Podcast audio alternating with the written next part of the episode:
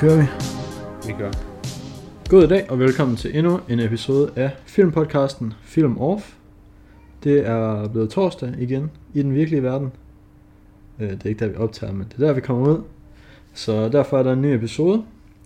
I dag der skal vi snakke om øhm, The Rock fra 1996. Den er instrueret af Michael Bay og har Nicolas Cage og Sean Connery i hovedrollerne. Og Ed Harris er også med. Ja, godt. Jeg var lige bange for, at du glemte at nævne Ed Harris. Han skal også med. Øhm, ja, det er det, vi skal se. Ja, øh, jamen inden vi kommer for godt i gang, Det har jeg set. ja, så må jeg hellere lige sige, øh, at vi har øh, tænkt os at tale om filmen detaljeret, så der kommer nok til at forekomme nogle spoilers. Men jeg vil jo antage, at det er det sådan en film, alle har set. Fordi det her det er bare sådan en film, man bare har set, hvis man har levet. Hvis man ikke har set den her. Men altså, hvis man ikke har set den og har tænkt sig at se den, så øh, skal man lige overveje, om man vil have nogle øh, spoilers med på vejen. Øhm, fik, du fik slet ikke introduceret os. Så jeg Nej. kan jo lige øh, sige, at øh, mit navn er Mads. Så, ja, mit navn er Kasper. Så ved de, hvem der taler. Mm. Øhm, vi skulle som sagt til The Rock. Hvad var begrundelsen for dette filmvalg? Øhm, altså egentlig så var begrundelsen, at jeg ville have set Miami Vice. Jeg ville have snakket om Miami Vice. Øhm, men så så jeg den selv, og så var den sgu ikke særlig god, synes jeg ikke desværre. Øhm, så jeg... Så vi mister nogle lyttere nu. Nogle fanboys af Miami Vice. De Ja. dipper out. Øhm, ja, så den synes jeg skulle slet ikke, den var værd at bruge en episode på. Og så måtte jeg lige scramble for at finde en ny. Og så havde du sagt til mig for nylig, at hvis man ikke har set alle de der Nicolas Cage bangers fra 90'erne, øh, som er Con Air og den her The Rock og Face Off, Face Off. Har du set Face Off? jeg med stor skam må indrømme, at den har jeg sgu heller ikke set endnu. Du har heller ikke set Conner, vel? Nej. Altså, det er jo en Cage-trilogi. Ja, så jeg tænkte, jeg måtte komme i gang med dem. ja. Også meget upassende at have en øh, podcast, der hedder Film Off, Ja, når du ikke engang har set Face Off. det var ikke mig, der fandt på navnet. Nej, det er sandt. Jeg kan så fortælle dig, Ja. det går kun ned ad bakke nu. Ja, jeg kunne se, The Rock, den havde The Rock- 7,4 på IMDb. Ja, The og Rock er den bedste. har 7,3, Ja, og Conner har 6,9. det overrasker mig faktisk lidt, fordi min egen øh, ranking, det er, øh, nummer et er The Rock, og Ja. så kommer Conner, og så kommer Face Off. Okay, men hvordan har du det med John Travolta? Han er god i Grease. Jeg kan godt lide Grease. Jeg kan oprigtigt godt lide Grease. Jeg har ikke set Grease. Det er så mærkeligt. Jeg har set et Grease skuespil. Det, Så jeg, det, jeg hjælper ved godt, jeg kan godt hele handlingen. Jeg ved godt, hvad der sker. det hjælper dig ikke, når det kommer til Travolta. Men mindre Nå. du er sådan en rigtig spiller, der har været til et Travolta featuring Grease Nej, skuespil. det har jeg ikke. Det var um, sådan noget Jørgen Lokalteater. Ja. Men det var Og der var. Travolta ikke tilfældigvis. Nej, okay. Altså, Det var et nice skud ud til Jørgen Lokalteater. men det er heldigt. Så får de lige lidt gratis reklame her. Mm. Det er cool. Ja, jamen, det er jo ikke første gang, at jeg har snakket om The Rock til dig. Nej, Så det var nok bare, fordi den var lige øh, frisk. ja. Men jeg lige har sagt, nu skal du simpelthen se den. Der er altså også mange film, jeg synes, det er lidt en joke, du ikke har set. Um, så det er godt, du fik set The Rock. Så, må jeg, jamen, så kommer man Og den er anbefalesværdig, vil jeg jo mene. Det, det var mig, der har anbefalet dig den. Den kan man roligt se, hvis er man godt. har lyst til noget Ja. Så vores lyttere, der ikke har set klassisk den, 90'er Ja. action. de, øh, de, den, er, den er godkendt nu. Mm. Um, jeg tænker, vi skal komme i gang. Uh, nogle af vores hovedemner. Mm. plejer at tale om uh, filmens univers, Ja. hvordan filmen er lavet, uh, karakterer og skuespillere, Yep. så visuelt, auditivt, så um, runder vi ellers af med uh, noget trivia og har måske low points, high points og rating og anbefaling til lignende film. Yes. Filmens univers, hvad tænker vi der? Mm, altså, ja, det er ikke rigtig nogen grund til at bruge så meget tid på det. Det foregår bare, Det foregår i Michael Bay-universet. ja, Det er et Michael Bay-univers. som er sådan lidt en urealistisk version af den virkelige verden. Ja. I, og så, fordi den er fra 90'erne, så foregår den i 90'erne. Ja, men jeg vil, jeg vil bare lige have sagt, det var en Michael Bay Cinematic Universe Experience, vi går ind i her. Altså, Det er sikkert rigtigt. øhm, Men den er også, jeg synes, den er ret godt lavet, hvis vi så bare skulle springe direkte videre, og det passer lidt til uh, hans cinematic universe. Altså, mm.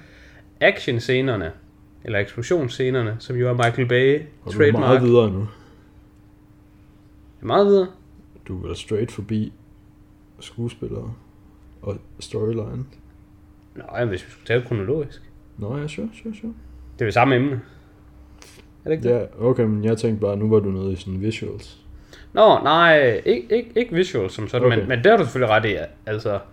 Men jo, altså, det hænger jo sådan lidt sammen, men det er jo fordi, jeg synes, at når du køber ind i en Michael Bay film, Ja, så det univers, du køber dig ind i, det er også de her visuals. Det er rigtigt. Øhm, så, så, så det hænger lidt sammen på den måde. ja. Øh, ja, men lad os, gemme det, lad os gemme det til senere, fordi der har jeg alligevel mange ting at sige til den. Så vi, så vi kan få den lidt hurtigere, nemmere ting at snakke om med skuespillere. Den tænker Ja. den, den er nem at snakke om. Ja. Nicolas Cage, han er totalt blæst i låget i den her film. Ja, ja. Altså, jeg ved ikke, om folk godt vidste i 90'erne, at Nicolas Cage, han var direkte til den lukkede afdeling. Men altså nu hvor vi er i 2020, og alle Nicolas Cage memes jo bare har eksisteret på internettet i lang tid, så er det jo meget tydeligt. ja. Man ved jo godt, at Nicolas Cage, han er blæst i låget. ja. Men det ved jeg ikke, om man også vidste dengang. Han er mere blæst i låget i den her, end han er i Noget som National andet. Treasure, for I eksempel. noget som helst andet. Det her det er hans mest blæst i låget film, synes jeg. Ej, er det det? Der er den der, hvor han råber The Bees og sådan noget. Ah, okay, men nu mener jeg sådan, at... Sådan, The Bees! sådan, er, seri- sådan er seriøse, The Bees!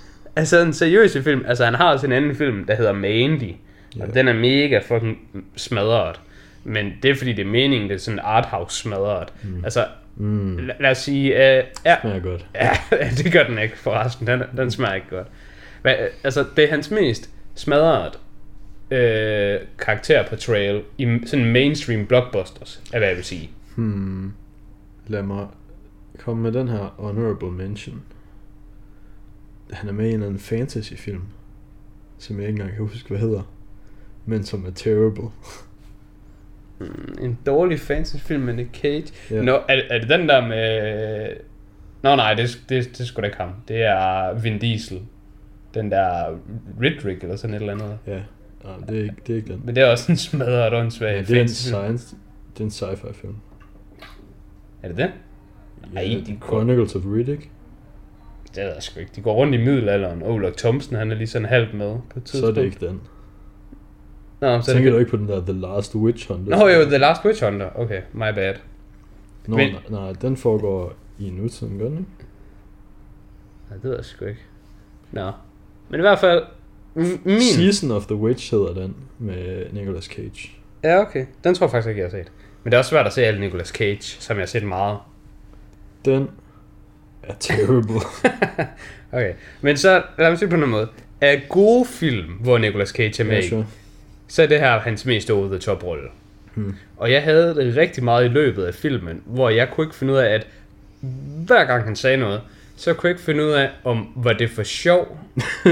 altså ikke for sjov som i øh, selve filmens univers, men i virkeligheden som om, at det her bare et idiotisk klip, de har taget på scenen.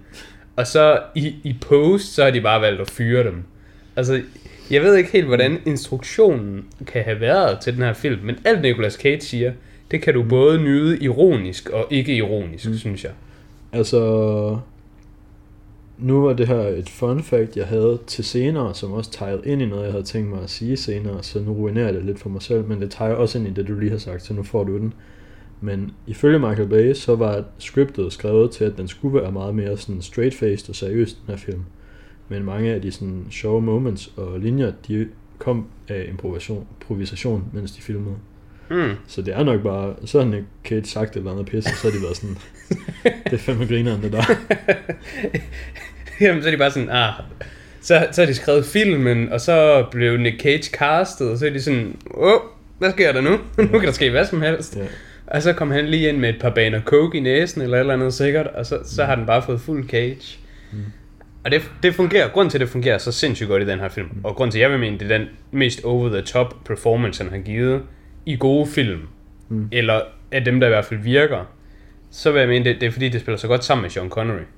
Fordi Sean Connery, han er jo sådan helt, altså næsten sådan, hvad hedder sådan noget, øh, altså han er, han er, jeg ved ikke, om jeg vil kalde ham direkte endimensionel, men han er sådan, mm. og det er heller ikke, fordi jeg vil kalde ham helt seriøs, men, men altså, han er en rigtig god modsætning. Han er lidt mere straight guy. Ja, han er en rigtig god modsætning til Nicolas Cage, og det virker rigtig godt, fordi der er bare nogle gange, hvor Sean Connery, han, han, altså han er den der typiske stereotyp action karakter. Og nogle gange så siger han bare sådan en eller anden sej one-liner, eller siger sådan, ah, uh, we'll do this, and then this, og sådan en Cage, han reagerer bare på det, som om, at det, Sean Connery har sagt, det er bare fucking insane.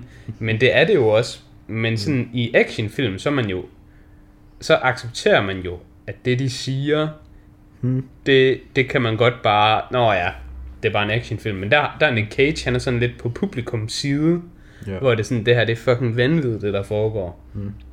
De har også de har en lidt smart ting going on med noget af det exposition, man skal have i løbet af filmen. Det er ikke fordi, der er sådan sindssygt meget, men nogle gange, hvis der er noget, som det er nødvendigt for publikum at få forklaret, mm. så bliver det bare forklaret til Sean Connerys karakter, og det er klart, at han skal have det forklaret, fordi han har lige været i fængsel i 30 år. Ja, så ja. det, er sådan, det føles ikke out of place, at der lige bliver forklaret et eller andet randomly. Ja, ja, ja, det er ikke altså, den der klassiske, apropos ingenting, her er bare lige en masse ligegyldig information. Ja, som, altså, som skal bruges. Som karakteren givetvis allerede ved, men publikum skal også lige vide Ja, ja men det er rigtigt. Og så, så har jeg lige en anden ting til Sean Connery, fordi jeg synes også, han er sindssygt fucking god i den her film. Altså, Sean Connery, han er en fucking legende. Det er nemlig det. Sean altså, Connery er en der, fucking legende.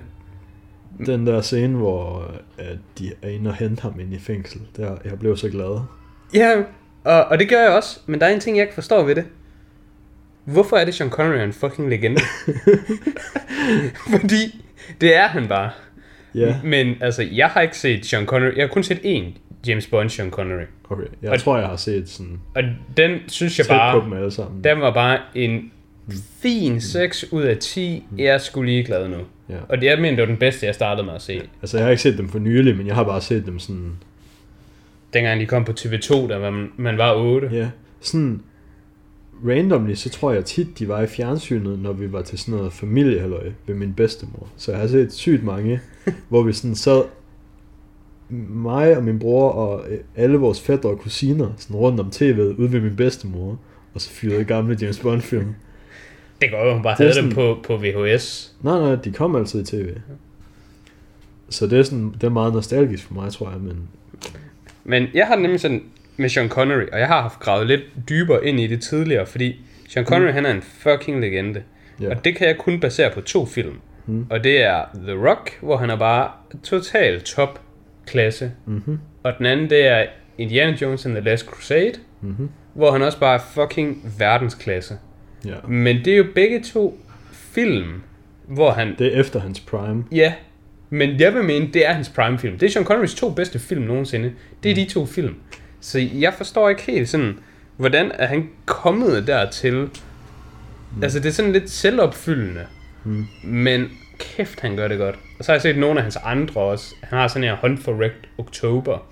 Ja, og den er, sådan, god. Ja, den er sådan fin nok, men den lider lidt af noget, jeg ikke kan lide ved, at øh, når man har skuespillere, der spiller en karakter, og den karakters nationalitet bliver iscenesat som om, hey, det er vigtigt, mm. så går det ikke, at ham her Russian guy, han bliver spillet af en med den tykkeste, ty- tykkeste skotske accent. Mm. Og det bliver bare overhovedet ikke adresseret, og han er den eneste på hele ubåden, der taler sådan, og det hele er sådan lidt mærkeligt. Og den er mm. heller ikke så fed.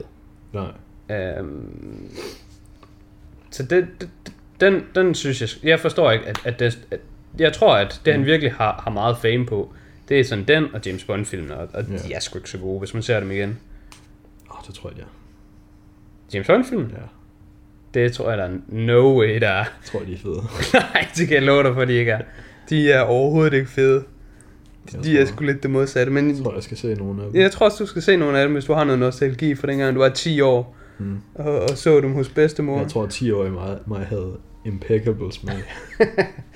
Altså, 10-årige mig synes jo, at The Rock var the nuts. Ja. Og nu sidder vi her. ja, Så øh, jeg vil jo ligesom sige, at øh, jeg har gjort min del. yes. Og så skal vi huske, at Harris. Ja. Øhm, Noget, der er lidt specielt ved Ed Harris i den her film, Ja. det var ikke noget, jeg vidste, men det er også bare fordi, vi er jo bare millennials. Ja. Så vi, vi lever jo, vi eksisterer jo bare i øh, den tidsperiode, der hedder, at Nicolas Cage, han er fucking blæst i låget. Ja. Sean Connery, han er bare en movie legend, men vi ved ikke hvorfor. Mm. Og Ed Harris, han er bare the bad guy, som er, som er nice. Det, yeah. det vil jeg mene. Er det ikke rigtigt? Det, altså, han er den der bad guy med integritet. Det, det ved jeg ikke. Jeg har ikke set et Harris i særlig meget, faktisk. Det er rimelig sjovt, fordi jeg har Hvad med set... Westworld? Ja, der er han også. Jeg har lige set The Abyss her sidste uge. Ja. Og det tror jeg er sådan en af de første film, ting, jeg har set nogensinde, hvor Ed Harris har sådan en ledende rolle. Det er samme her. Jamen, det er det, jeg mener. Altså, i den tidsperiode, vi er levet, sådan Ja. har levet i og har set film fra, Mm. der er det Ed Harris, han har altid sådan en, en, en, en lidt skurke birolle. Ja, altså det er sige. rigtigt, men så har jeg på den anden side set, så har jeg måske kun set to ting, hvor han har det. Ja, men, men det er bare det, han er. Altså, et, i, i den grund til, Ja, sure. grund til The Rock fungerer så fucking godt, synes jeg, mm. det er, Nicolas Cage, han spiller Nicolas Cage. Ja. Og Sean Connery, han spiller bare Sean Connery. Mm. Og Ed Harris, han spiller bare Ed Harris. Sure. Og det tror jeg måske, det er faktisk The Rock, der har defineret deres, øh, deres image Det kan i min være. hjerne, og så i, i tidsperioden Ja, efterfølgende. The Abyss er lidt ældre, og der er Ed Harris sådan Nå, jamen, hovedpersonen. Ja, men jeg, jeg så, øh, det var det, jeg skulle til at sige. Jeg havde på en måde gemt det til øh, vores trivia, men nu kan jeg jo bare putte den ind nu. Mm. At øh, jeg så en anden, der reviewede den og sagde, at dengang filmen udkom, så øh, havde den sådan lidt en øh, surprise faktor med, at det var Ed Harris, Mm. mm. der var skurken. Fordi han havde øh, haft hele hans karriere gennem 80'erne Ja, og start 90'erne, hvor at han var altid leading man, good guy. Hmm. Altså, han var altid helten. Han var bare ham, de typecastet i 80'erne som helten. Og det her, det var første gang, han skulle være skurk. Mm. Så det var sådan lidt, wow, et Harris skurk? Det virker sådan lidt underligt. Det var folk ikke helt klar på. filmen starter endda lidt med, at det ikke sådan rigtig er tydeligt, at han er skurk. Nej, lige præcis. Men øh, det synes jeg var sjovt, fordi jeg har nemlig Ja. det modsatte. Jeg har den modsatte perspektiv af Harris. Ja. Da jeg så The Abyss, og han var hovedperson og good guy, mm. så var jeg sådan, det er ikke et Harris, det der. Et Harris, han er altid sådan en eller anden uh, militærmand, der er sådan lidt, uh, Ja. han er sådan lidt slem. Ed Harris, han har jo set fucking ind de sidste 20 år. Ja, ja, det er Altså, sindssygt. Ed Harris i den her film og jeg fra kan godt give dig en 96, ekstra et Harris-film, den har du også set. fra den her film i 96, og Ed Harris i 2020 i Westworld, ser bare ens ud. Ja, og så kan du også, du kan også tage ham clean lige midten fra 2008, fordi det er også ham, der er skurken i National Treasure. Ja. Og der ser han også bare ens ud, og han er også bare den samme person, ja. og det er bare et Harris. Og et Harris, han fucking, han bringer integritet ind i et projekt. Og jeg mm. føler, at det er ham, han, han giver The Holy Trinity til den her film. Fordi det, vi har Nick Cage, der bare er off the rails. Ja. Han er totalt blæst. Og så har vi Sean Connery, der er sådan lige dangling midt ja. imellem. Han er sådan lidt en lolleren type, men han prøver også at være seriøs. Mm, Og så er et Harris, han er fucking holding it together, fordi han er all business. det er rigtigt. Og det fungerer fucking godt. Ja. Det er faktisk det, jeg synes, der er det bedste ved filmen. Hvis Mhm. jeg skulle rose filmen, hvad jeg synes, filmen gør allerbedst, så er det sådan de tre skuespillere Ja. og deres karakterer. Men deres karakterer er jo bare dem selv. Altså, det er fandme det, der gør The Rock til at være The Rock. Det er, det er skuespillerne. Så alt det rundt om, hvis det havde været dårligt, så havde det stadig været fint. Mm. Nu er vi bare heldige, det er godt. Så er det bare godt med mere godt i. Ja. Øhm, sådan handlingsmæssigt, så starter det så starter filmen sådan set med at introducere et Harris. Øhm, det, den starter med, at man ser sådan, man ser bare sådan noget solnedgang og helikopter, der flyver, og så ja. Er der sådan noget øhm, radio chatter, Ja. hvor der er sådan noget, en militær guy, hvor man kan høre, at han er helt sikkert er i problemer, og han prøver at kalde på forstærkninger, og så kan man høre, at det får han ikke rigtigt, og så sådan sker der nogle ting, Ja. det går lidt, går lidt south, øhm, og så cutter vi egentlig til øhm, Ed Harris og hans crew, der sådan raider Ja. det der sted, hvor de, de stjæler de der biologiske våben. De går rigtig meget ud af i filmen, at bygge sådan baggrundshistorien op for alle tre karakterer. Ja. Man har et rigtig godt indtryk af både Ed Harris og Nicolas Cage, hvordan de er. Og Sean Connery, den får man lidt on the house, fordi hans baggrund der var, at han har siddet i fængsel i 30 år. Hmm. Så han behøver ikke lige få en hel masse tid der. Ja. Ja, men der er også der er sådan lidt mere. Man ved ikke, hvorfor han har siddet i fængsel. Ja, så, ja. Der kommer noget mere, men Ja. det kommer sådan løbende. Men jeg vil mene, den vigtigste, de får bygget op, det er sådan set et Harris, fordi at hvis ikke bad guyen i den her film havde en god motivation, så ville den slet ikke sådan have den samme følelse. Nej, nej, det er jeg enig. Jeg synes faktisk, noget af det eneste, jeg er lidt kritisk omkring Hmm. hmm. ved i filmen, det er, at jeg synes, at dens øh, pacing er lidt dårlig i første akt. Jeg synes, den første Mm. del af filmen, det, det er ikke nødvendigvis, fordi pacing er dårlig, men det er mere sådan, et, et kritikpunkt, jeg har til øh, bare Michael Bay generelt, Ja. det er, at alle hans film, de skulle altid for lange. Og i tilfældet af The Rock, der synes jeg, det tidspunkt, hvor det er nemmest at kunne cutte noget ud, det ville Ja. have været i starten. Øhm, Det er nok rigtigt. Der er der, der, hvor- er to timer og et kvarter, den her. ja, jeg to timer kvarter. Jeg har lige for nylig set Armageddon, øh, som også lige var sådan 2 timer og 20 eller sådan et eller andet. Mm. Øhm, jeg synes, i, i tilfældet af The Rock, der hele der, hvor ham, øh, hvor Sean Connery, han, han slipper fri, og nu skal han ud og møde hans datter, og han skal slippe væk fra de der folk. Ja, den der biljagt er Den der biljagt. lang. ja, den der biljagt, den er bare sådan, altså alle de der ting, de kunne så godt lige have, have været klippet ud. Jeg synes ikke, det var en mega fed scene, der hvor han lige bliver klippet, og det skal jo på en måde ind, fordi vi skal ikke have hobo Sean Connery, mm. vi skal have fis Sean Connery. Øh, og så der, hvor han laver det der fucking håndtryk, og lige fyrer den der ting rundt om hånden, og så lige ja. ud over. Ja. Alle de der ting er fede, så det er ikke fordi, jeg bare vil nuke alt, men man kunne godt ha- have klippet lidt mere imellem. Og så ikke alt den der fucking jagt, og det kunne bare have været... Altså, det kunne de sgu godt lige have strammet lidt op i, synes jeg. Hmm. Øh, Der går også lidt lang tid, inden man bliver introduceret til ham. Jeg ved ikke, om man kunne have kortet lidt ned på det inden da. hmm. Og så synes jeg, Nick Cage, der kunne man godt have kottet lidt ned på det der kæreste, halløjsa, der er going on. Fordi arbejdet, det sætter ham trods alt op til, at man forstår lidt seriøsiteten og intensiteten af, hvad Ja. der foregår. Men altså, alt det der, han har gang i med hende der pigen, det er sådan lidt... altså, Ja, det er rimelig grineren. at sige ja, det er Hvis sygt grineren, Hvis fordi... man får et barn, så er man, øh, så er man sindssyg, og så er hun gravid. Altså, det er fucking sjovt. Så det er selvfølgelig, det kan være, det kan være svært at sidde som uh, editor og korte det ud, Ja. fordi Nick Cage, han bare er spouting golden nuggets. Ja. Men det er også sådan, story-wise kunne man have kottet det. Hmm. Men det er selvfølgelig svært, når han bare leverer bomber, Ja. når han er on set. Hmm. Øhm. Men ja, så efter man bliver introduceret til Nick Cage karakter der, så kommer der det med Sean Connery, så får det der at vide med, at øh, det er så, grunden til, at vi bliver introduceret til Sean Connerys karakter, det er fordi, at øh, Ed Harris, han har sat op på Alcatraz. Du vil lige give et resume nu, bare lige sådan et hurtigt plot resume. Nå, men vi er bare i gang. Ja, okay. nå, men det kan du, altså, det er som om, det vil du gerne lige fyre. Ja. Bare fyre. Nu har vi jo snakket om Ed Harris, så vi snakket om Nick Cage. Ja, ja. Nå, men det var lidt sjovt at tage resuméet herinde i midten. Det kunne godt være, at vi skulle have haft det tidligere, men det er måske først. Jeg, jeg var jumping the gun ret hurtigt på skuespillerne.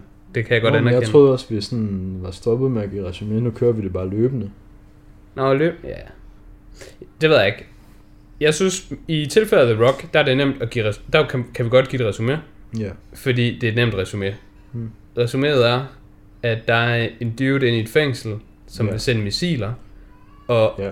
ham kan vi ikke komme ind til, fordi fængslet det er mega svært at komme ind i, men Sean Connery han har brudt ud, Ja. så hvis man kan bryde ud, så kan man bryde ind. Så Sean Connery han er en del af det, fordi han kan komme ind i fængslet, Hmm.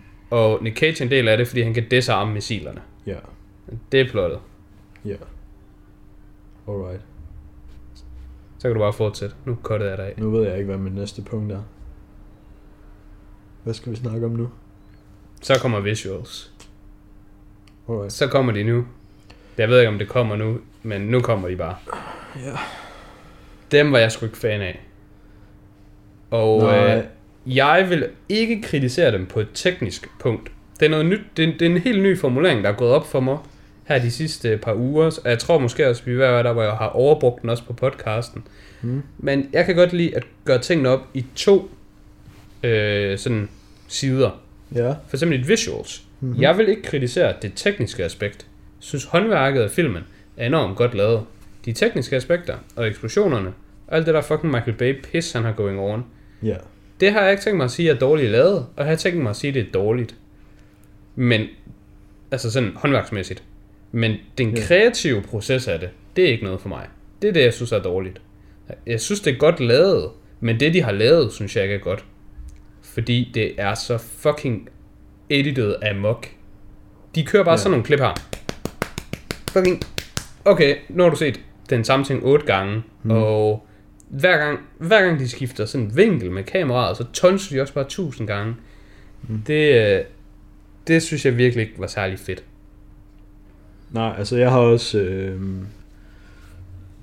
jeg har ikke skrevet, at det, jeg sådan, synes, det var specielt dårligt, men jeg har noteret, at øh, jeg synes bestemt heller ikke, der var noget, der sådan stod ud. Jeg synes, øh,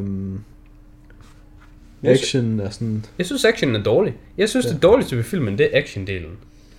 Ja, men det er også fordi...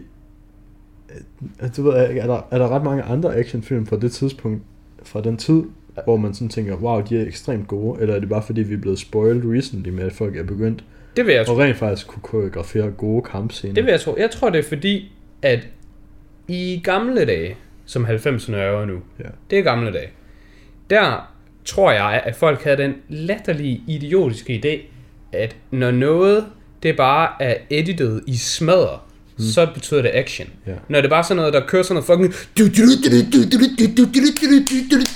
musik, og der er bare fucking tusind cuts, og du ja. ser bare sådan en hovedperson. Ser, Hovedpersonen, han laver altid den her, nu kan de ikke se den, dem der lytter, men hvor han sådan fucking løber, oh, og så kigger han bagud, og så klipper de bare st- ind, sådan, hver gang de laver den der, folk kigger et eller andet sted, eller laver sådan et hoveddrej. Hoveddrej, det er lige med action i og så er 90'er der sådan film. nogle benzineksplosioner, man skal se fra fire forskellige vinkler. Ja. Den samme eksplosion. Det, men for mig så er det mit største problem, det, det er de der hoveddrej, eller sådan, når, når de laver Ja. et eller andet, så er der altså sådan en fucking klip, Ja. Og jeg tror, at op i folks hjerner dengang, mm. så var det limits tegn Ja. ja. til action. Fordi der sker noget. Det er ligesom shaky cam. Ja. Der var jo, altså noget jeg synes er mindboggling, det er, at der er nogle film, de optager jo bare scener rigtigt og godt. Mm. Og så inde i uh, editing, i post, så fyrer de bare sådan en shaky cam effekt på, fordi så er det fandme fedt. Den her, ja. den her jagtscene, ah, den skal have shaky cam, og jeg hader det. Det er fucking ja. lort. Det kan selvfølgelig godt gøres godt en gang imellem. Men jeg tror, det er det, det, er det som, som der er mit største problem med, med actionen her i. Og der, der er vi, jeg tror ikke, jeg tror ikke, det er så meget, at vi er blevet spoiled af, at action er blevet bedre. Jeg tror bare, vi har fået åbnet vores øjne. Ja, ja, Jeg altså, tror, folk i det, er jo- 90'erne, de vidste ikke, det var godt. det er jo meget det der med, som vi også har snakket om tidligere, at det kan godt være, at det ikke var dårligt dengang. Men vi skal jo ikke sammenligne filmen Nej, nej. med andre film fra den Altså, tid. Vi når, skal sammenligne den med andre film, man kan bruge sin tid på i dag. ja, når det kommer til actionfilm, hvor man vil se action, så synes jeg bare, at John Wick, det er bare den gyldne standard. Ja. Den viser bare, det er ikke, det er ikke kedeligt at have brede skud, Mm. uden fucking tusind klip, men at du bare kan se ting. Altså, det der så gør det svært, det er, at det bliver svært at maskere fejl lige pludselig. Ja. Du kan ikke bare klippe dig ud af ting, og du skal have god kampkoreografi, men det viser sig også, at det betaler sig. Ja. Øhm, og det er sgu ikke, det er der sgu noget her. Jeg vil sige, den bedste action scene i filmen, det er den scene, hvor det er, at øh, de har infiltreret dem. Oh, spoiler. Mm. Øh, Wow, de kommer ind i de fængsel. kommer ind i fængslet, og øh, så når de er inde i fængslet, Ja. så der hvor de lige sådan stikker hovedet op af den der fucking, hvad fanden den er, der hvor de kommer ind i sådan, sådan, er det sådan bad eller sådan et eller andet, Ja. en badehal, og så er the good guys nede i bunden, og the bad guys, de har the high ground. Okay. Den action scene, Den er ikke god. nej, bare roligt, det skal jeg heller ikke sige, den er. Okay. Action scenen, den er ikke god. Men det, der leder op til action scenen, det synes jeg er godt. Der hvor Ed Harris, han bare står og fucking råber, og står bare der, stand your man down! Og så bare I can't give the order, you will give the order! Ja. Det er nice, ja. Det er fucking nice, og så begynder de at skyde, og så gør de sådan, Ja. gør de sådan her med, med skud igen. Ja, de klipper rigtig meget, og nu, halvdelen af skuddene, der hvor de klipper rigtig meget, det er sådan nogle slow motion skud af folk, der står sådan, øh, man kan bare se, at de bliver ramt Ja. alle mulige steder, og de står bare og spræller i slow motion ja. ja. og falder ned på jorden. Ja, men bare rolig. Det var ikke actionscenen. Ja. Det var ikke... Ironisk nok, så er det ikke actionscenen, der er det bedste action i filmen. Men Nej. det er lige før. Der hvor Ed Harris, han bare går fucking ham. Ja, Det er fucking fedt. ja. Men ja, det tror jeg både er et produkt af tiden, men også det er mere Michael Bay's stil, at hans, de sådan fede ting i den, i, i hans film, det er de der store set pieces, hvor der sker en masse ting, og kommer nogle kæmpe eksplosioner. Det er ikke sådan nogle små velkoreograferede moments. Nej, nej, Det er, nej. ikke- det er ikke sådan Michael Bay ruller. Nej, den ruller han ikke. Når du siger ruller, så min anden bedste action scene, nummer to, ja. honorable mention, det er der, hvor Sean Connery han ligger og ruller. Han skal igennem det der ild. og Ja. alt Det der. Og det vil jo ikke som sådan sige er en action scene, men han skal igennem alle mulige ild og pis. Hvilket ikke giver nogen mening. Hvorfor fanden er der fucking Ja, ja. ild? Hvorfor? Ja, og de der tandhjul, der kører, og alt muligt mærkeligt pis nede i kælderen på det der fængsel. Og Som, selv- altså selv hvis fængslet stadigvæk var funktionelt, hvorfor skulle det så være der? Og fængslet har så været decommissioned i 30 år, men det er der stadig for some reason. Det giver slet ingen fucking mening. Det er bare sådan et level af Mario, eller sådan et eller andet, ja, de har ja. bare puttet ind. Men ved du Det hvad? er bare nede i Bowser's slot. Det er fucking fedt. Ja, ja. Det er sygt fedt. Men det er sindssygt åndssvagt. Hmm. Den, øh, men det er nok også fordi, den scene er sådan lidt mere rolig. Altså, Ja. den har ikke de der øh, latterlige cuts. Hmm.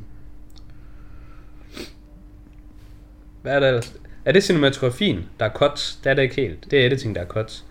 Men det, Ja. jeg har også bare, jeg har lyst til at sige, at jeg synes cinematografien... Det er sådan, hvor kameraet er placeret, hvordan lyset er og sådan noget. Ah, okay. Men det er bare sådan whatever. Det tror Ja, jeg jeg, ikke. Det Nej, tror men jeg ikke synes nemlig, jeg, jeg, jeg, jeg, skulle sige, jeg, jeg, jeg havde lyst til at sige, at den var dårlig, men jeg var bare bange for, om, at jeg kom til at sige noget forkert. Ja. Men nej, den, den er nemlig også dårlig. Det, det er der sgu ikke så meget over.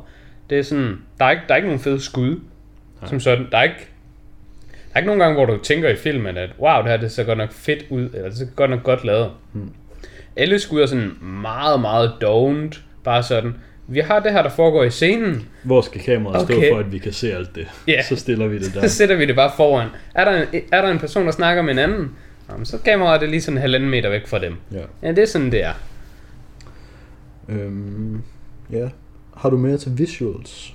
Nej, Fordi... jo, én ting. Okay. Nu har jeg jo hatet på, at jeg synes, håndværket, det er godt lavet, men Ja. de kreative beslutninger er dårlige. Ja. Der er en kreativ beslutning, der er godt lavet. Den vil jeg sgu give dem. Hvad så? De der missiler, de er sprøde. Altså bare sådan, hvordan de er samlet, og han Ja, skal tage de der kugler ud. Ja, det er sejt. Det er sejt. Det kunne Ja. 10-årige Mads godt lide, og det kan jeg fortælle dig, det kunne 26 med, med 26-årige Mads også. Det var sgu sejt med fucking... Altså det, jeg ved sgu ikke, om det overhovedet giver mening, hvis man er sådan en eller anden, der går op i våben. Men jeg synes, de der fucking kugler, der er grønne, Ja. det er sejt. Grønne kugler, det er sejt. Dem kigger man på, og så ved man, det er gift. Du ved bare, det er gift. Det er rigtigt.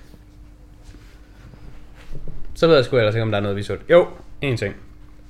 Du Lo- sagde en ting, da du sagde den anden ting. Ja, men det er fordi, du siger ikke noget. Og der er ting, der er fede. Så skal ja, okay. vi nævne dem. Okay, okay. Hvorfor har du ikke nævnt location er fed? Nu er det din skyld. Jeg skal nævne det hele. Nå, jamen Alcatraz er da fed. Alcatraz, det er så fedt. Og det må vel være visuals. I guess. Ja, det kunne, have, ja, det noget det, det, kunne, det kunne have, have foregået anywhere, men det er så fedt. Det er fandme en fed setting, det skal de have. Ja. Altså, ja, ja, Det er The Rock. Ja, men jeg, jeg, jeg sagde tidligere, jeg synes, det, det der gør den her film sindssygt god, det er skuespillerne. Hmm. Og det, der så løfter den til, at det er så god en film, som den er, det er, at settingen er så god. Det er den, ja. Det er derfor, det lyder som om, vi kritiserer filmen rigtig meget på nogle, nogle ting. Men jeg synes, de færdige ting, vi synes er lort. Men Hmm. filmen, den får bare sindssygt meget leeway, fordi jeg vil mene, at det, den her film, den har jo næsten lavet sig selv. Du tager bare de her fucking tre stjerne skuespillere, og så sætter du dem ud i den her setting, og så, det er altså, Så får de bare lov at gøre lidt ting. Det gjorde de så også clearly, fordi at der er mega mange replikker, der var improviseret. Ja, og det kunne jeg altså også godt forestille mig, at, at når de har, har haft optaget nogle af tingene og sådan noget, altså, altså, konceptet, den her films koncept er bare så godt, mm. at, at selv når det ikke er fantastisk, så virker det stadigvæk bare godt. Så har jeg ikke mere. Nå, men det var bare fordi, så øhm, hvis vi skal videre til lyd, Ja, så øh, er det Hans Zimmer, der har lavet soundtracket. det er ret interessant, fordi jeg har nul kommentar til lyd. Okay.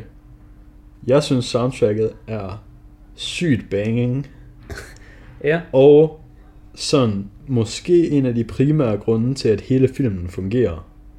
Fordi altså, det er øh, godt nok Øh. også svært at gå galt i byen med Hans Zimmer. Ja, hvis soundtracket var mere sådan seriøst og lidt mere dystert, og så, okay, måske skulle man også lige cutte lidt ud af de der rappe kommentarer, de kommer med, så ville den her film føles meget mere sådan thrilleragtig, end den gør, er jeg sikker på. Ja, og det, det skal den ikke. The Nej. Rock, The Rock, den er...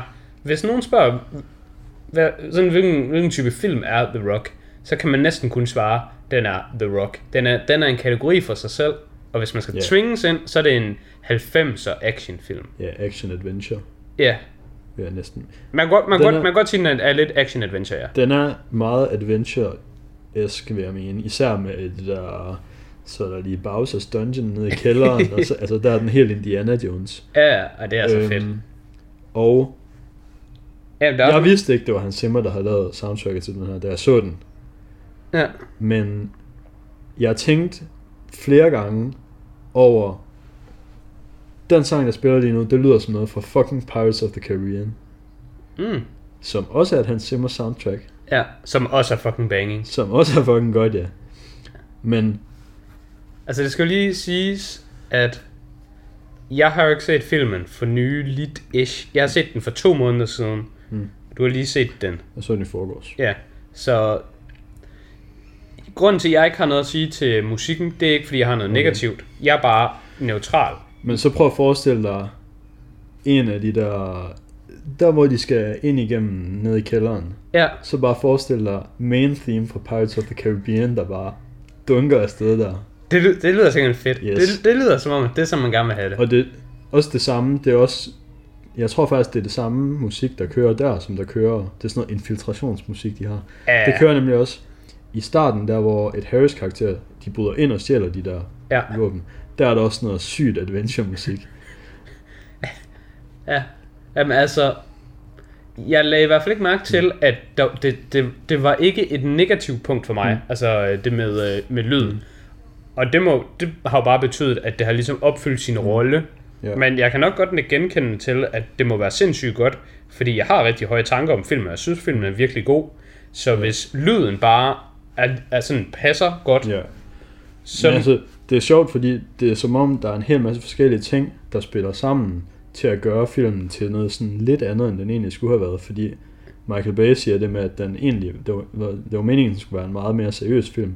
Men så både det her med, at de har fået nogle skuespillere, der sådan bare kan øh, fyre jokes og være sjove. de, har fået, de, de har fået en Altså- Cage, hvor han har haft allermest coke. Ja. Og de så har haft Hans Zimmer til at komponere et soundtrack, der passer meget bedre til det, som filmen egentlig er blevet til. Øhm, det gør bare, at den sådan virker på det, Altså, det du, du kan nok godt have ret i, at sådan som filmen er blevet, der virker den. Og sådan som den skulle have været, der er jeg ikke sikker på, at den havde virket lige så godt. Nej. Og det der er med øh, sådan øh, kompositionen af soundtracket, er, Mhm. mm-hmm. øh, den måde, de laver det på, det er selvfølgelig ikke sikkert, de laver det præcis på den måde i den her film, men jeg ved, at der er mange i industrien, de, øh, de bruger placeholder musik, Ja, når, de, når instruktøren han laver filmen. Ja så Øh. tager de bare noget musik fra en anden film. Ja, så tager de bare noget musik fra en anden film, og så laver de scenen til det, og nogle gange så kommer de til at sådan navigere scenen til at passe så meget til musikken, så når de andre de skal lave ny original musik, så, skal, så er de egentlig bare tvunget til at kopiere den anden, fordi mm. det er det eneste, der passer ind i scenen. Men det får mig så lidt til at tænke på, at vide, hvor meget øh, der har været gjort brug af det i den her film, og hvor meget frihed Hans Zimmer har haft. Altså den her er jo så ældre end Pirates-filmene. Ja, nå, jamen det var ikke fordi, jeg tænkte på, at de har taget Pirates. Jeg Nå, tænkte bare på, hvis han skulle sætte hans eget sådan spin på tonelejet. Ja, Altså, det der med, at filmen, den starter ud med at være seriøs, når den er under, pro- sådan, pre-production. Ja. Men så i, under production, der skifter den så tone. Så mm. når musikken skal lægges ind, så skal den jo have samme twist. Ja. Altså der, der tror jeg, det, det har nok været meget essentielt for succesen, at de har haft en virkelig dygtig komposi, hvad hedder, komponist, Komponist, ja. som har kunne spille med på det. Fordi Ja. ja. jeg, jeg, vil, jeg vil Altså, det er så ikke sikkert, at komponisten er blevet bragt på projektet, før efter de har været ved at filme nogle af tingene. Jamen det er det, jeg mener. Det, jeg mener, det er netop, at jeg forestiller mig også, at han er kommet på til sidst. Ja, Og så at han alligevel bare lige kunne fucking gaffatape det hele sammen. Nå, Sådan sure, det, det hele sure. det hænger sammen. Al- Altså, altså det er gjort fucking godt. Hmm. Øh, Jeg tror du mente det lidt mere på sådan en måde med, at han har skulle starte med at lave det seriøse musik, og så på et tidspunkt i den proces har han været sådan, ah okay, det skal faktisk ikke være det alligevel. ah, ah, Men det er ikke sikkert, at han har skulle lave det seriøst til at ah, ja, det jeg tænker på, det er bare, han jo bare koblet på Ja, til sidst, ja, ja. og skulle få det hele til at fungere. Mhm. Mm-hmm. Og det har han kunnet, hvilket jo er fucking godt gået og meget Ja. vigtigt. Jeg kan faktisk se, jeg har et punkt her, øh, som der er blevet sprunget over under Mhm. mm-hmm. visuelt. Ja, hvad så? Øh, stunts. Ja, Vi var lidt inde på kampkoreografi og der er nogle stunts i den her film, Ja. I suppose. De er dårlige. det vil jeg bare sige.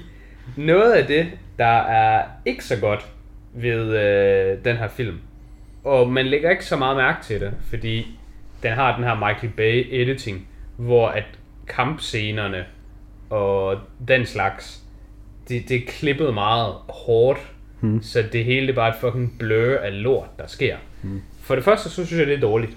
For det andet, lige på det punkt, der er Sean Connery altså ikke en legende. Sean Connery, han, han, hvad hedder, han sælger mig sgu ikke på, at han er sådan en uh, action uh, type. Nej. Altså, Nicolas Cage, han har solgt mig 100% på, at han er fucking blæst i låget. Men også, han kan også finde ud af hans arbejde.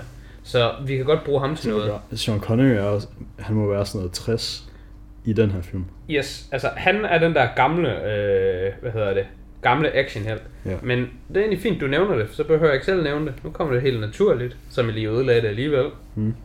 Men nu kommer det helt naturligt. Jeg er glad for, at du nævner hans alder. Mm. Fordi hvad med øh, your boy Liam Neeson? Han er bare en actionhelt. Altså nu taler vi Liam Neeson i, i 2020. Ja. Vi er selvfølgelig tilbage i 2010. Men Liam Neeson, han er altså en af de der action skuespillere, der er blevet en actionhelt i hans slut 50'er og 60'er. Og ham tror jeg på. Liam Neeson, han er en actionhelt. Hmm. Og ved du, hvem der også er en actionhelt? Det er Sylvester Stallone. Han er sat med os i 60'erne og over, når han leverer action. Og Arnold Schwarzenegger, også i 60 plus og leverer stadigvæk action.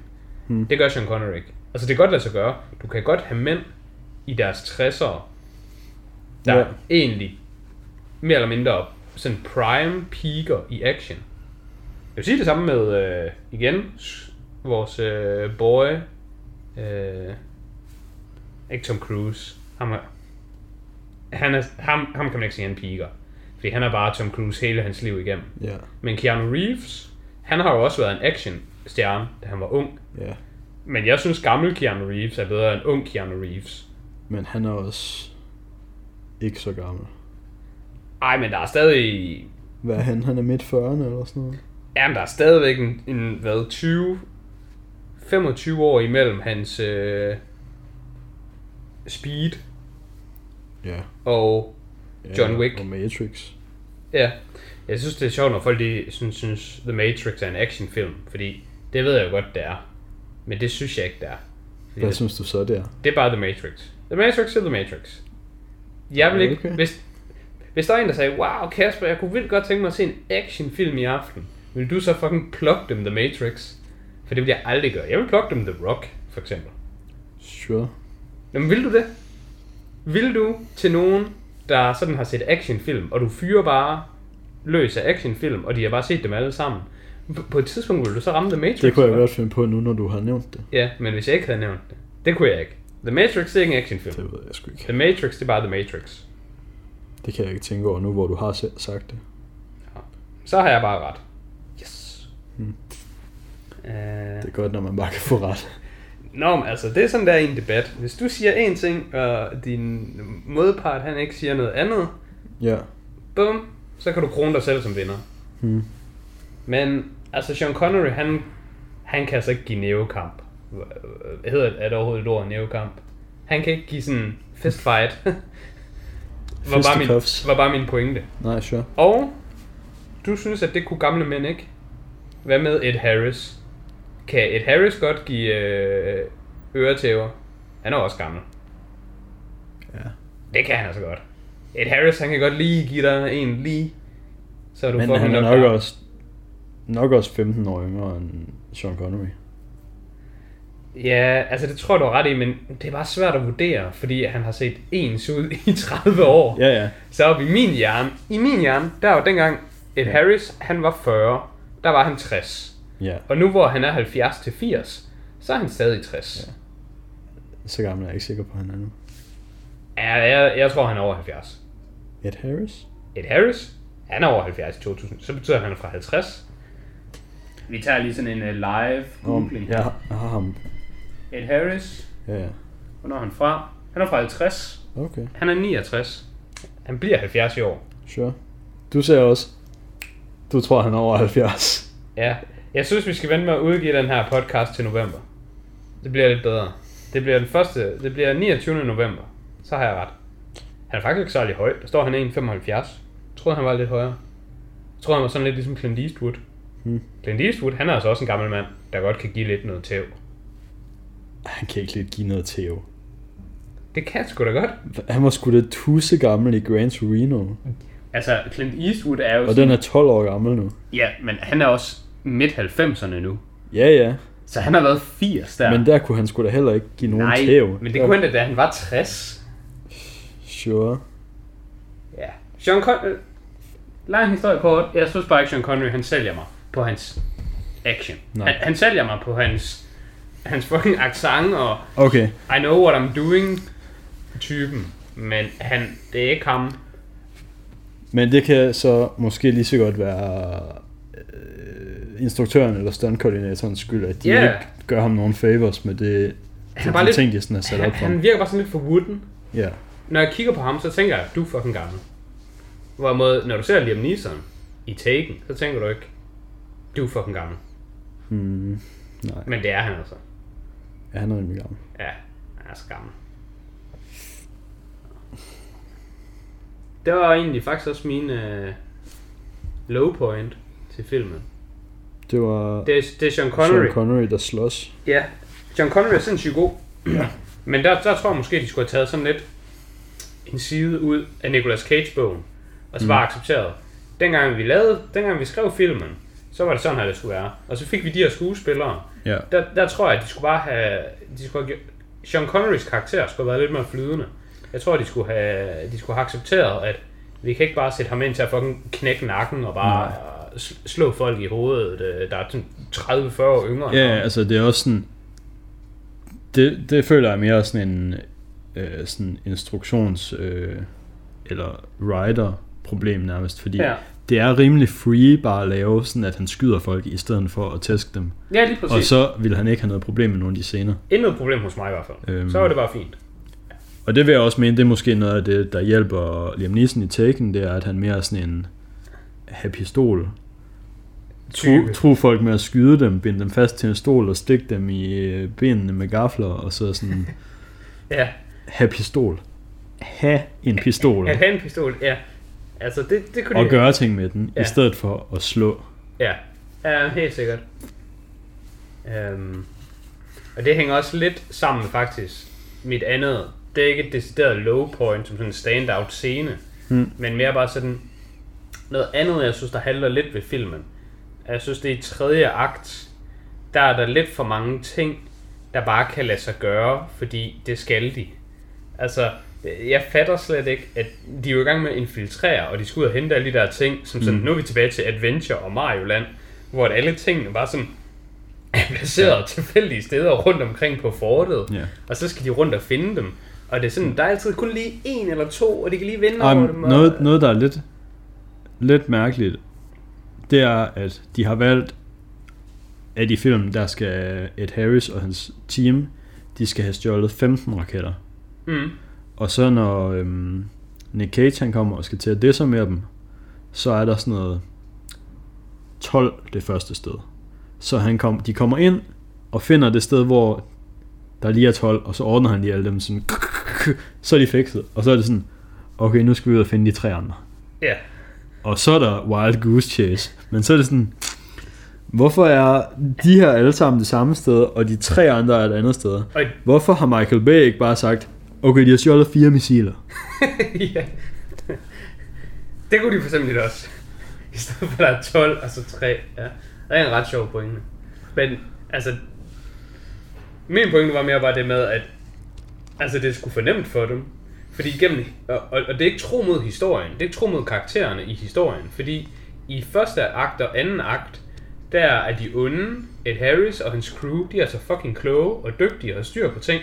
Mm. De simpelthen sætter alle de der fucking fælder op, når folk de kommer ind, og ja, de har bare fucking styr på det. De er, Ja. ja. de er ikke bare sådan nogle, nogle idioter. Mm.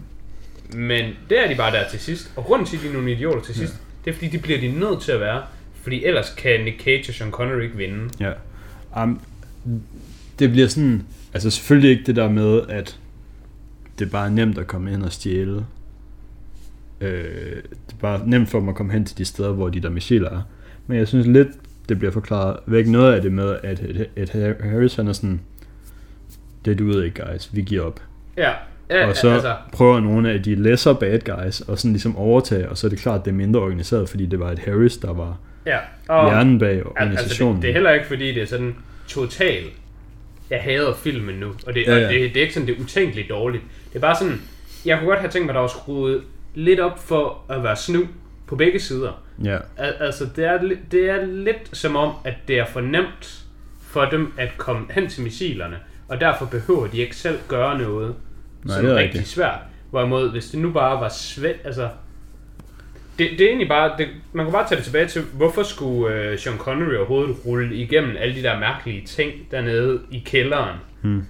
til at starte med. Der kunne bare have været noget, et, noget andet, han skulle have været igennem. Men det Ja. havde ikke været lige så sejt. Hmm. Og fordi, så havde det også bare været mere sejt, hvis det var sværere for Sean Connery og Nick Cage til sidst. Ja, lige præcis. Det, det er det, jeg mener. Altså, hvis den scene ikke havde været der tidligt i filmen, Hmm. mm. altså, det havde så ikke været særlig fedt. Og det er som om, at de scener giver de bare afkald på i tredje akt. Det kan jeg godt følge dig i. Der kunne også bare have været en eller anden, hvor... Altså, nu kommer jeg bare til at tænke på den her nu, og jeg håber, det lyder klogt, når jeg siger det. Men jeg har ikke tænkt over det før. Det plejer at være rimelig, plejer nemlig at være rimelig dejligt. rimelig mis, når du siger det der først. ja. Men altså, hvorfor kunne der ikke bare være en af de der steder, hvor missilerne var gemt, der var fucking umuligt at komme ind til? Den var sindssygt guarded, den var overguarded, de havde bare banket på og sagt, Nå, men det er her, vi har de 12 missiler, så det er der, vi går bare amok. Det er forresten umuligt at komme her, det kan aldrig lade sig gøre. Så plukker man lige Sean Connery og var sådan, ah, okay, men det her tårn, det var faktisk der, jeg sad i fængsel. Fordi det var det der øh, super secret del af fængslet. Men sådan kommer man ind på den her måde, mm. så, så kan man lige have noget ekstra. Og det kan da hænge sammen med, at så, når de har været derinde og klaret alle 12 i det sted, der var overguardet, Mm. så er det måske nemmere at tage de andre steder, der er mindre guardet. Ja, det er rigtigt. Det kunne da være en sej måde. Ja, det er, en som om, måde. det er som om i sidste akt, der bliver Sean Connery, der bliver det sådan irrelevant, at han har været fanget der. Ja, Fordi de prøver at gøre mere plads til det der med, at han er sådan ex-British intelligence. ja. Men man behøver, det havde ikke været nødvendigt at give helt afkald på det ene for at få plads til det andet. Man kunne godt stadigvæk have begge dele going on. Ja, ja, og altså, det, nu ved jeg, at jeg er preaching to the choir, men altså, jeg elsker sgu adventurefilm. Altså, det er bare my jam, og det var der ikke så meget af i, i tredje akt jo, så det kan også være, det er derfor, jeg synes, det ikke var så fedt. Men der, Mm. der kunne godt have været mere af, altså som du siger, Sean Connerys character arc, den slutter nærmest i anden akt. Og så er det som om, nu starter de bare en ny op. Ja, Og på, altså det giver også mening, fordi det eneste han er i filmen for, det er jo bare for at bryde dem ind. Og så... ja. Men, nå ja, men det er det jo. Det er jo det, han er i filmen for. Men det kunne de bare have gjort sådan, det ikke Men var. altså, det kan man jo sige med alle karakterer. Det eneste Nick Cage er i filmen for, er for det som er bomberne. Ja, men hvornår sker det? Sker i tredje akt. Sure. Så hvornår er hans karakterakt slut?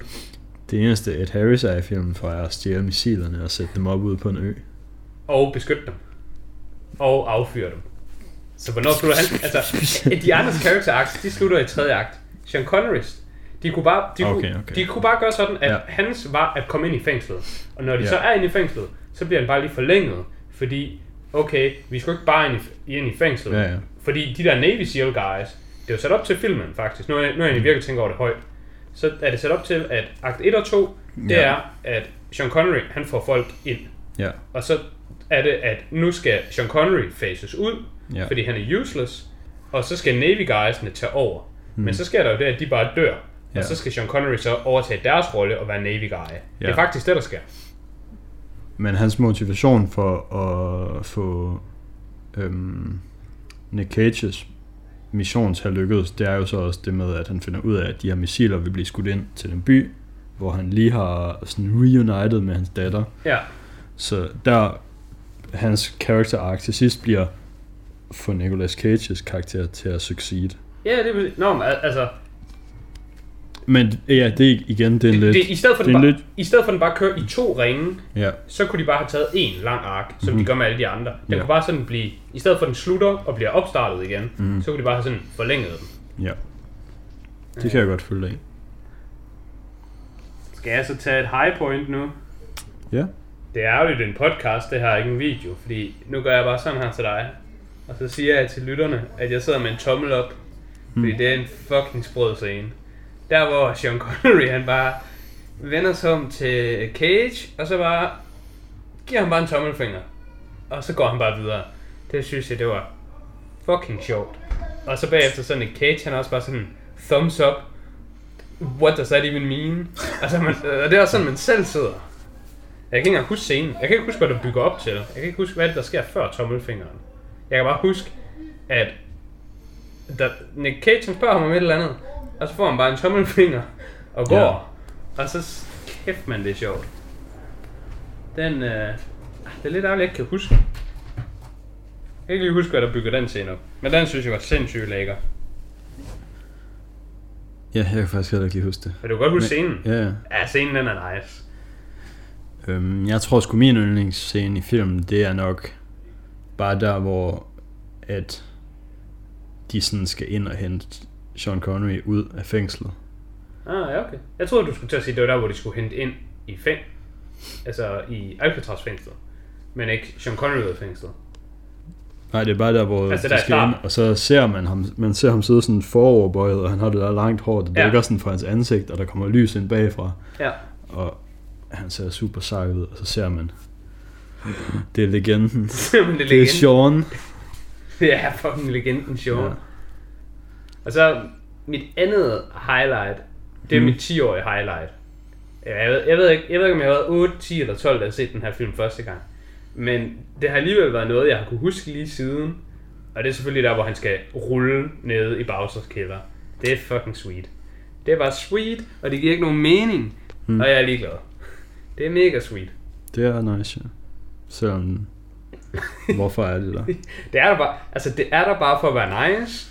Og nu Og det der, er nice. Og nu siger jeg bare, det er nice, så good for you. Yes. Det der var problemet ved det, det var, at hvis det kun var der for at være nice, mm. og det ikke var nice, så ville det være forfærdeligt. Så ville man virkelig bare fucking hate på det. Ja.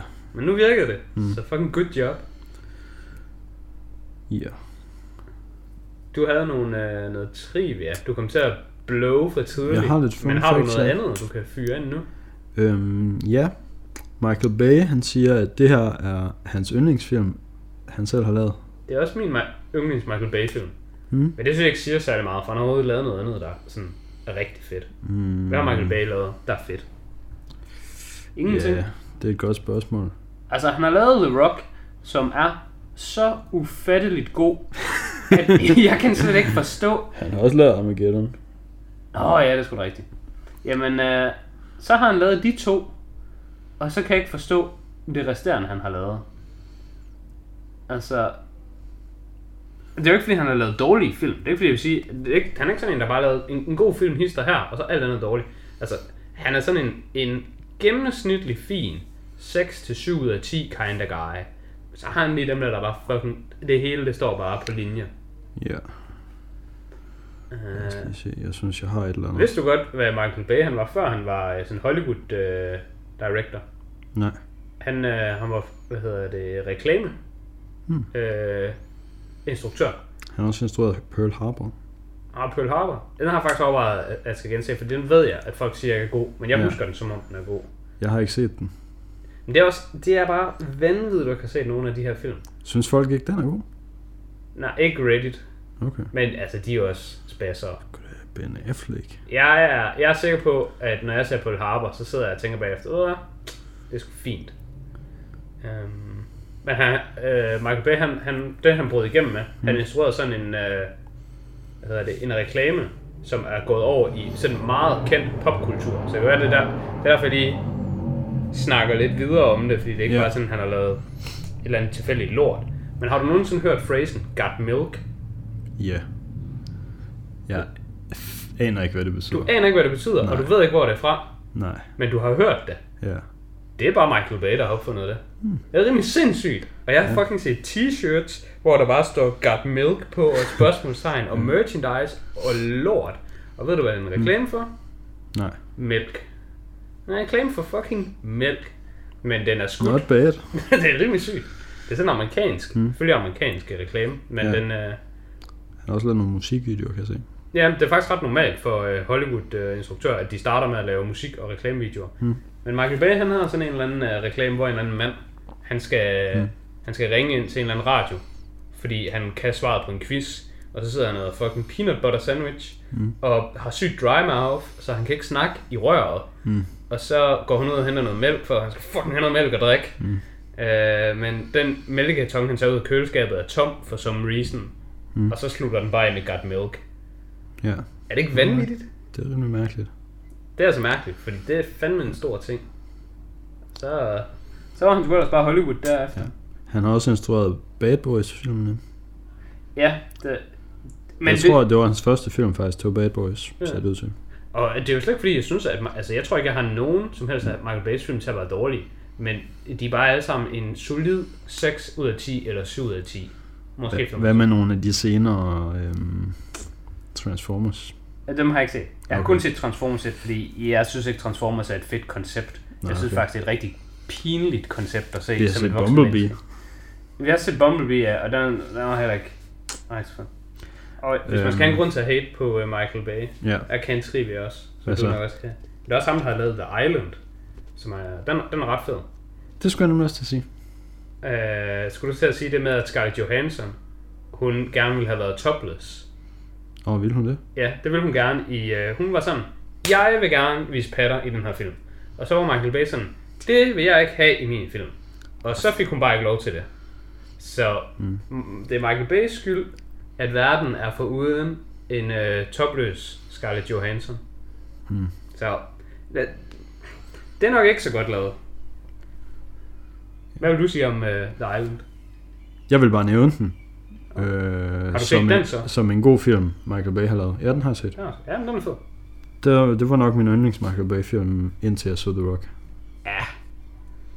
Det leder os vist også fint hen til afslutningen med, med noget rating. Øhm, ja, jeg har lige, jeg har lige det lille sidste trivia. Du får lov til at tage det. Ja, så stod der, at uh, Quentin Tarantino og Aaron Sorkin begge to er uncredited screenwriter på The Rock. Hvilket er sådan... Hvad fuck? Altså, det Altså- forklarer meget, synes jeg. Hvad? Jeg synes, det forklarer meget, at den film, jeg synes, sådan mistænkt så meget skiller sig ud fra at være så sindssygt meget bedre end alle hans andre film. Hmm. Der har lige været en Tarantino-finger med i spillet, hmm. og en Sorkin-finger med i spillet. Fordi Ja. dialogen i The Rock er fucking sprød. Ja, og det er en af de crisp. ting, Aaron Sorkin er kendt for i hvert fald. Ja. Det er så svært at sige, når det er sådan uncredited, er svært at sige, hvem der har lavet hvad. Jeg synes egentlig generelt, Tarantino er lidt overrated. Jeg kan godt lide de fleste af hans film, men jeg synes ikke, Tar- de er, Tarantino er overrated, men jeg det er synes også ikke, fordi... de er mesterværker.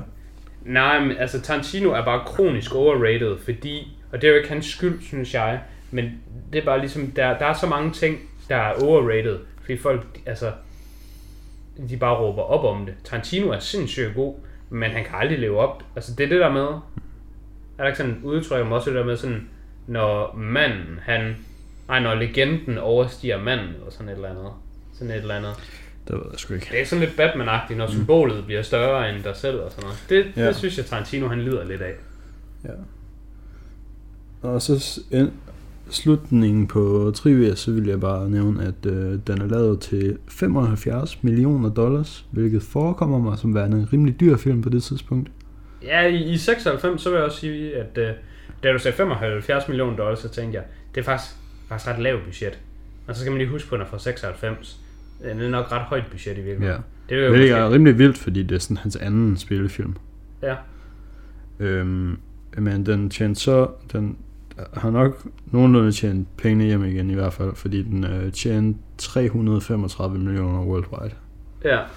Plus, jeg tror også, at den her... Jeg tror, The Rock er en af de film, der kan have tjent helt vildt mange penge på DVD'er og øh, tv-rettigheder og sådan noget. Fordi det er altså sådan en film, der bare... Altså, det er sådan en rigtig... Plus merchandise. Jeg skal faktisk bede om en Sean Connery actionfigur. Altså, det kunne man godt. Man kan også godt få en Nick Cage actionfigur. ja. Ed Harris ved jeg ikke helt, fordi han er bare den samme i alle film. Der- Du kunne lige så godt få en Ed Harris actionfigur. Jamen, så kan jeg købe sådan en cowboy hat til ham, så kan jeg lade som om det er ham fra Westworld. Ja, men det er det, mente. Altså, så, så, den er meget fleksibel. Hvad har du så her på falderæbet? Jamen, uh, ratingmæssigt, der vil jeg bare lige kort sige, jeg havde den til 8 ud af 10. Hmm. Synes, som vi har siddet og snakket om den, det, og det er noget af det, jeg synes, der er farligt. Jeg, jeg, jeg ender med, skulle man give den 9 ud af 10. Ja. Bare fordi, den er, den er den nummer to bedste actionfilm fra 90'erne. Og det er altså det, er altså det værd for 9 ud af 10. Den skiller så den Hvad er den altså- bedste? Det kommer jeg til lige bagefter. Okay, fordi Men, du øh, har lidt recommendations. Ja, til, til lignende film. Jeg, jeg, jeg tror, det give den 9 ud bliver, af 10. tror, det bliver en 8 fra mig. 8 for dig. Ja. Men det Jeg sad og tænkte, at jeg synes, den er rimelig... Den er rimelig 7,5. Ja. Men Det, problemet for mig er bare, at længden er lidt. Ja. Længden er lidt efter det. Men omvendt, jeg ved bare, at det her det er sådan en film, jeg vil anbefale til helt vildt mange. Det er næsten min go-to anbefaling, hvis folk siger action. Hmm. Det er fandme ikke The Matrix. Det er sgu The Rock, der er action. Ja, jeg, jeg bomber den sgu nok til 9, 9 ud af 10. Også, jeg, jeg tror, uh, soundtracket, jeg tror, du har solgt mig lidt på. Det tror jeg ikke helt, jeg har sådan lagt så meget Jeg tror, du skal prøve lige at finde det og lige lytte til noget af det. Ja. Nå, men så til lignende film. Hvis folk mm. de vil gerne have en, øh, en lignende oplevelse, så har jeg sat det op sådan, jeg har tre kategorier Ja, med to film i hver. okay. Jeg tænker, hvis du bare skal have Nick Cage-trilogien fra Yes. 90'erne, Yes. så er det jo selvfølgelig bare film, ikke engang film off, det er vores podcast, Face Off Yes. og Con Air. Yes. Den er meget tydelig. Hvis du vil have en lidt lignende 90'er action Mm. øh, oplevelse, så vil jeg sige øh, Armageddon, Mm-hmm. som også er instrueret af Michael Bay, og den har jeg lige set for en uge eller to siden, Ja. og den vil jeg også give 9 ud af 10. Mm. Og den lider af alle de samme problemer, det er bare det samme. Mm. lider af alle de samme problemer, og, det, og alt hvad der er godt er også godt. Men hvis man bare skal have en 90'er actionfilm, så er det Die Hard. Det er den bedste 90'er actionfilm for hele årtiet, vil jeg sige. Die Hard er god. Die Hard er sindssygt god. Og hvis man skal have mere Sean Connery, som er sej, Mm. så ser man bare lige Indiana Jones 3. Mm. Og hvis man skal have en film, det, jeg synes alle de andre film, jeg, jeg lige kunne finde, det er jo sådan nogle, der minder lidt for meget om det. On the nose. Hvis Ja. man skal have en anden film, der minder mere om sådan en actionfilm, men hvor skurken er sej, og der foregår noget fedt, Ja. og der er god dialog og godt spil, så Inside Man er en rigtig fed actionfilm. Den har jeg ikke set. Har du ikke set Inside Man? Nej, det er Spike Lee, der har instrueret den. Øh, det er så fucking pinligt, at vi har en filmpodcast, og du har ikke set en skid film. Nå, Jeg ved, du må også lige se alle de her film. Jeg ved, du hader Spike Lee. Jeg hader ham ikke, men han er i hvert fald overvurderet. Han er sindssygt overvurderet. Okay.